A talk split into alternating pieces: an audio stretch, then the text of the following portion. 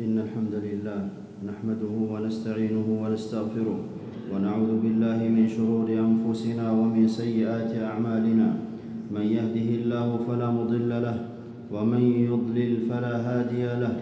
وأشهد أن لا إله إلا الله وحده لا شريك له. وأشهد أن محمدا عبده ورسوله صلى الله عليه وعلى آله وأصحابه وسلم تسليما كثيرا. أما بعد فاتقوا الله عباد الله حق التقوى واستمسكوا من الإسلام بالعروة الوثقى. أيها المسلمون استخلف الله آدم وذريته في الأرض ليعمروها بطاعته وسخر لهم ما فيها فضلا منه رحمه ليستعينوا بنعمه على مرضاته. قال سبحانه هو الذي خلق لكم ما في الأرض جميعا ولا قوام للحياة الطيبة إلا بعبادة الله وحده واتباع سنة نبيه صلى الله عليه وسلم وتوحيد الله أساس الأمن في المجتمعات. قال سبحانه الذين آمنوا ولم يلبسوا إيمانهم بظلم أي بشرك أولئك لهم الأمن وهم مهتدون. والإيمان هو الجالب للأمن وكلاهما ضرورة في كل شأن فبهما تزدهر الحياة وتغدق الأرزاق وتتوثق الروابط بين أفراد المجتمع وتجتمع الكلمة ويأنس الجميع. وتقام الشعائر بطمأنينة وتتلقى العلوم من منابعها الصافية ويتحقق العز والتمكين. قال تعالى وعد الله الذين آمنوا منكم وعملوا الصالحات ليستخلفنهم في الأرض كما استخلف الذين من قبلهم. وليمكنن لهم دينهم الذي ارتضى لهم وليبدلنهم من بعد خوفهم أمنا. يعبدونني لا يشركون بي شيئا. وإذا فقد التوحيد حل الخوف بدل الأمن فتختل المعايش وتفارق الأوطان وتتفرق الأسر وتتبدل طباع الخلق. ويذوق أهلها لباس الفقر والجوع. ولن تجد مجتمعا ناهضا وحبال الخوف تهز كيانه. ومن حفظ حدود الله فامتثل أوامره واجتنب نواهيه. حفظ الله له دنياه في بدنه وولده وأهله وماله. وحفظ له دينه من الشبهات المضلة ومن الشهوات المحرمة. قال عليه الصلاة والسلام احفظ الله يحفظك. رواه الترمذي ولن يصل أحد إلى غاية كمال الأمر إلا بالأمن والإيمان وحق هذه النعمة حفظها والتذكير بها وشكرها بتحقيق العبودية لله. قال تعالى فليعبدوا رب هذا البيت الذي أطعمهم من جوع وآمنهم من خوف وصلاح الأرض بالعبادة وأعظم فساد فيها الشرك بالله وظلم العباد كقتل النفس المحرمة بغير حق واستباحة الأعراض وترويع الآمنين ونكث العهود والمواثيق وقد نفى الله الفلاح والسيادة عن الظالمين فقال إنه لا يفلح الظالمون وسنة الله في الأولين والآخرين هلاك الظالمين.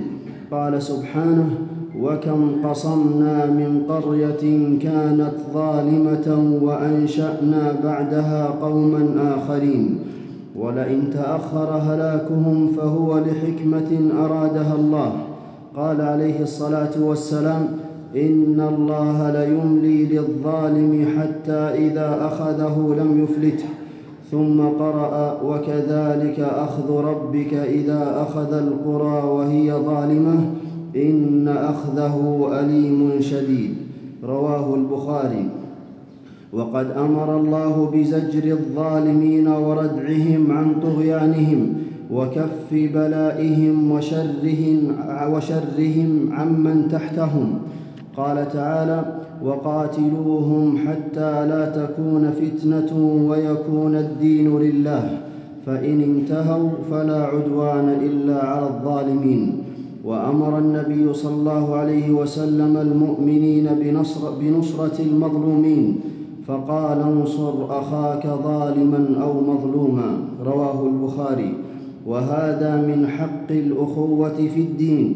قال عليه الصلاة والسلام مثل المؤمنين في توادهم وتراحمهم وتعاطفهم مثل الجسد إذا اشتكى منه عضو تداعى له سائر الجسد بالسهر والحمى. متفق عليه. وإغاثة المظلومين من شيم الرجال ومن أفعال العظماء. وبه أمر النبي صلى الله عليه وسلم فقال أغيث المظلوم رواه أحمد. قال النووي رحمه الله التحالف على طاعة الله ونصر المظلوم والمؤاخاة في الله أمر مرغوب فيه. وبذلك عرف نبينا صلى الله عليه وسلم قبل بعثته. قالت خديجة رضي الله عنها له فوالله لا يخزيك الله أبدا. إنك لتصل الرحم وتصدق الحديث وتحمل الكل وتقري الضيف وتعين على نوائب الحق. متفق عليه. وقد تحالفت بطون قريش زمن الجاهلية في حلف الفضول وتعاهدوا بالله ليكونن يدا واحدة مع المظلوم على الظالم حتى يؤدى إليه حقه. قال ابن كثير رحمه الله وكان أكرم حلف سمع به وأشرفه في العرب وبمثله يندفع الباطل ويقل الفساد في الأرض. وبفضل الله وعزته استجاب قادة هذه البلاد لغوث المظلومين في أرض اليمن فعصفت رياح الحزم والقوة على أهل الظلم والجور وتكاتفت الرعية مع إمامها فلاح النصر واستبشر المظلومون والعقلاء. وتمام النصر وكماله وجماله بالفزع إلى الله وحده. قال ابن القيم رحمه الله ما دفعت شدائد الدنيا بمثل التوحيد والطاعات تعجل بالنصر. قال تعالى إن تنصروا الله ينصركم والدعاء مفتاحه. قال سبحانه إذ تستغيثون ربكم فاستجاب لكم. قال شيخ الإسلام رحمه الله يجب على كل مكلف أن يعلم أن لا غياث ولا مغيث على الإطلاق إلا الله تعالى وأن كل غوث فمن عنده. ولجأ الأنبياء والرسل إلى الاستغاثة بالله بطلب النصر ففي غزوة بدر دعا نبينا محمد صلى الله عليه وسلم ربه حتى سقط رداؤه. وفي الأحزاب قال اللهم منزل الكتاب سريع الحساب اللهم اهزم الأحزاب اللهم اهزمهم وزلزلهم. متفق عليه. ومن دعاء المؤمنين في كتاب الله ربنا اغفر لنا ذنوبنا وإسرافنا في أمرنا وثبت أقدامنا وانصرنا على القوم الكافرين. وبالصبر والتقوى يتلاشى كل ضرر. وإن تصبروا وتتقوا لا يضركم كيدهم شيئا. وذكر الله كثيرا في القتال من علامة الفلاح. قال تعالى يا أيها الذين آمنوا إذا لقيتم فئة فاثبتوا واذكروا الله كثيرا لعلكم تفلحون. والصلاة عون في الشدائد. قال جل شأنه يا أيها الذين آمنوا استعينوا بالصبر والصلاة إن الله مع الصابرين والتوكل على الله مع فعل مع فعل الأسباب إيمان وقوة. قال تعالى ومن يتوكل على الله فهو حسبه. قال ابن القيم رحمه الله التوكل من أقوى الأسباب التي يدفع بها العبد ما لا يطيق من أذى الخلق وظلمهم وعدوانهم. وحسبنا الله ونعم الوكيل. مفزع عند الشدائد. قالها الخليلان فأتم الله لهما نصره. وحسن الظن بالله توحيد ونصر. قال الله في الحديث القدسي أنا عند ظن عبدي بي متفق عليه. قال ابن مسعود رضي الله عنه لا يحسن عبد بالله الظن إلا أعطاه الله ظنه. وتصديق وعده فتح وبشرى. قال تعالى إنا لننصر رسلنا والذين آمنوا في الحياة الدنيا ويوم يقوم الأشهاد. والمؤمن متعلق بربه حذر من العجب بنفسه أو قوته أو كثرته. قال عز وجل ويوم حنين إذ أعجبتكم كثرتكم فلم تغن عنكم شيئا وضاقت عليكم الأرض بما رحبت ثم وليتم مدبرين. والمسلم راجح القلب راجح العقل يتثبت فيما يسمعه ويحذر شائعات الأعداء. فبئس مطية الرجل زعموا قال عليه الصلاة والسلام كفى بالمرء كذبا أن يحدث بكل ما سمع. رواه مسلم. وهنيئا لمن فدى الحرمين الشريفين بنفسه ودمه ونصر المظلومين ورفع راية الدين. قال عليه الصلاة والسلام إن في الجنة مائه درجة أعدها الله للمجاهدين في سبيل الله ما بين الدرجتين كما بين السماء والأرض. رواه البخاري. وعلى من يؤدي هذه العبادة العظيمة وعلى من يؤدي هذه العبادة العظيمة أن يخلص وعلى من يؤدي هذه العبادة العظيمة أن يخلص نيته فيها لله. سئل رسول الله صلى الله عليه وسلم عن الرجل يقاتل شجاعة ويقاتل حمية ويقاتل رياء أي ذلك في سبيل الله؟ فقال رسول الله صلى الله عليه وسلم من قاتل لتكون كلمة الله هي العليا فهو في سبيل الله متفق عليه. والمرابط موعود بالأجر العظيم. قال عليه الصلاة والسلام رباط يوم في سبيل الله خير من الدنيا وما عليها. رواه مسلم. ومن صدقت نيته بمشاركة إخوانه في تلك الطاعات نال الثواب وإن لم يعملها. قال عليه الصلاة والسلام إن بالمدينة لرجالا ما سرتم مسيرا ولا قطعتم واديا إلا شركوكم في الأجر حبسهم المرض. رواه مسلم. وعلى أهل الإيمان في ديار اليمن أن يتذكروا سابق مجدهم في الإسلام.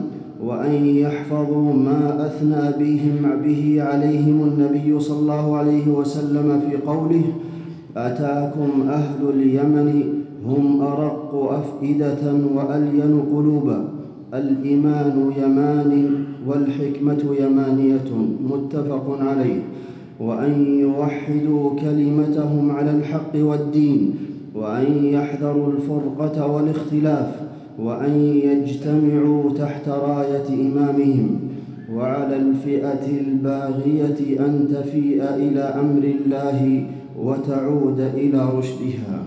وبعد أيها المسلمون فالقوة لله جميعا وهو غالب على أمره وسنته سبحانه نصر الحق وأهله ودحر الباطل وحزبه وكتب النصر والعزة لأوليائه والذلة والخذلان لأعدائه ولا يكتمل الابتهاج والسرور بعد النصر إلا بشكر الله وتسبيحه وحمده. قال سبحانه إذا جاء نصر الله والفتح ورأيت الناس يدخلون في دين الله أفواجا فسبح بحمد ربك واستغفره. وليحذر الجميع من نسبة النصر إلى, إلى الأسباب. قال سبحانه وما النصر إلا من عند الله. والمسلم يفرح برفع الظلم عن المظلومين وبإعلاء الدين. أعوذ بالله من الشيطان الرجيم. ولله العزة ولرسوله وللمؤمنين ولكن المنافقين لا يعلمون. بارك الله لي ولكم في القرآن العظيم ونفعني الله وإياكم بما فيه من الآيات والذكر الحكيم. أقول قولي هذا وأستغفر الله لي ولكم ولجميع المسلمين من كل ذنب فاستغفروه إنه هو الغفور الرحيم.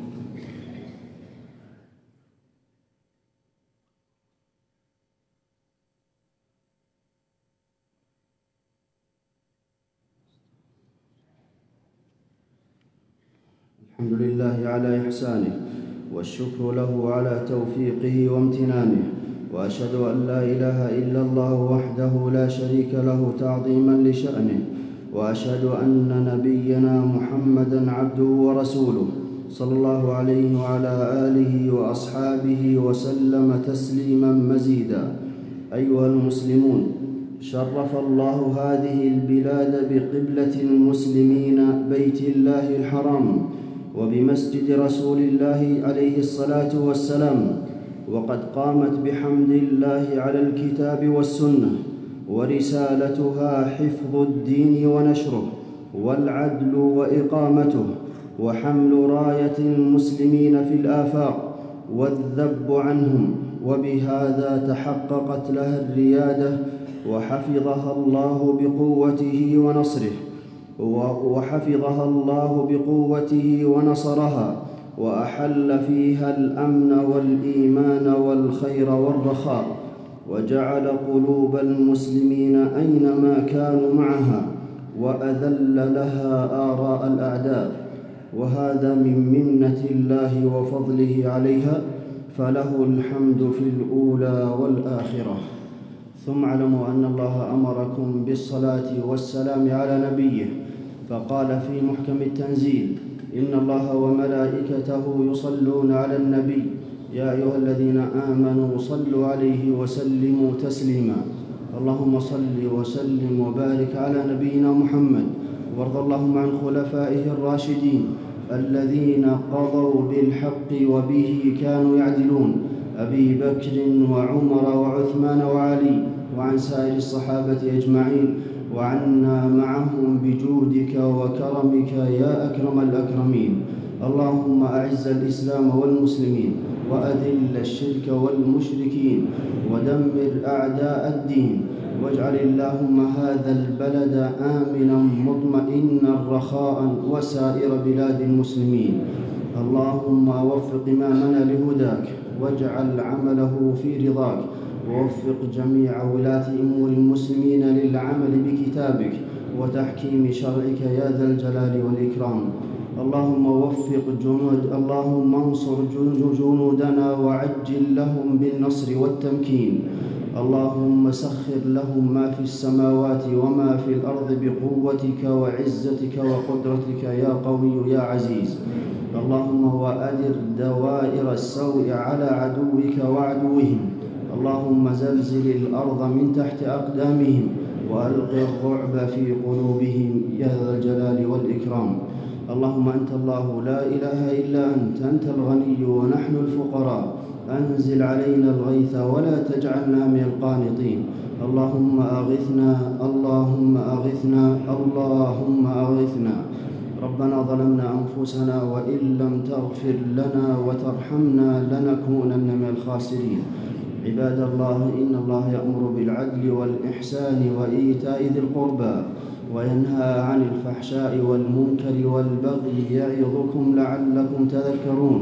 فاذكروا الله العظيم الجليل يذكركم واشكروه على آلائه ونعمه يزدكم ولذكر الله أكبر والله يعلم ما تصنعون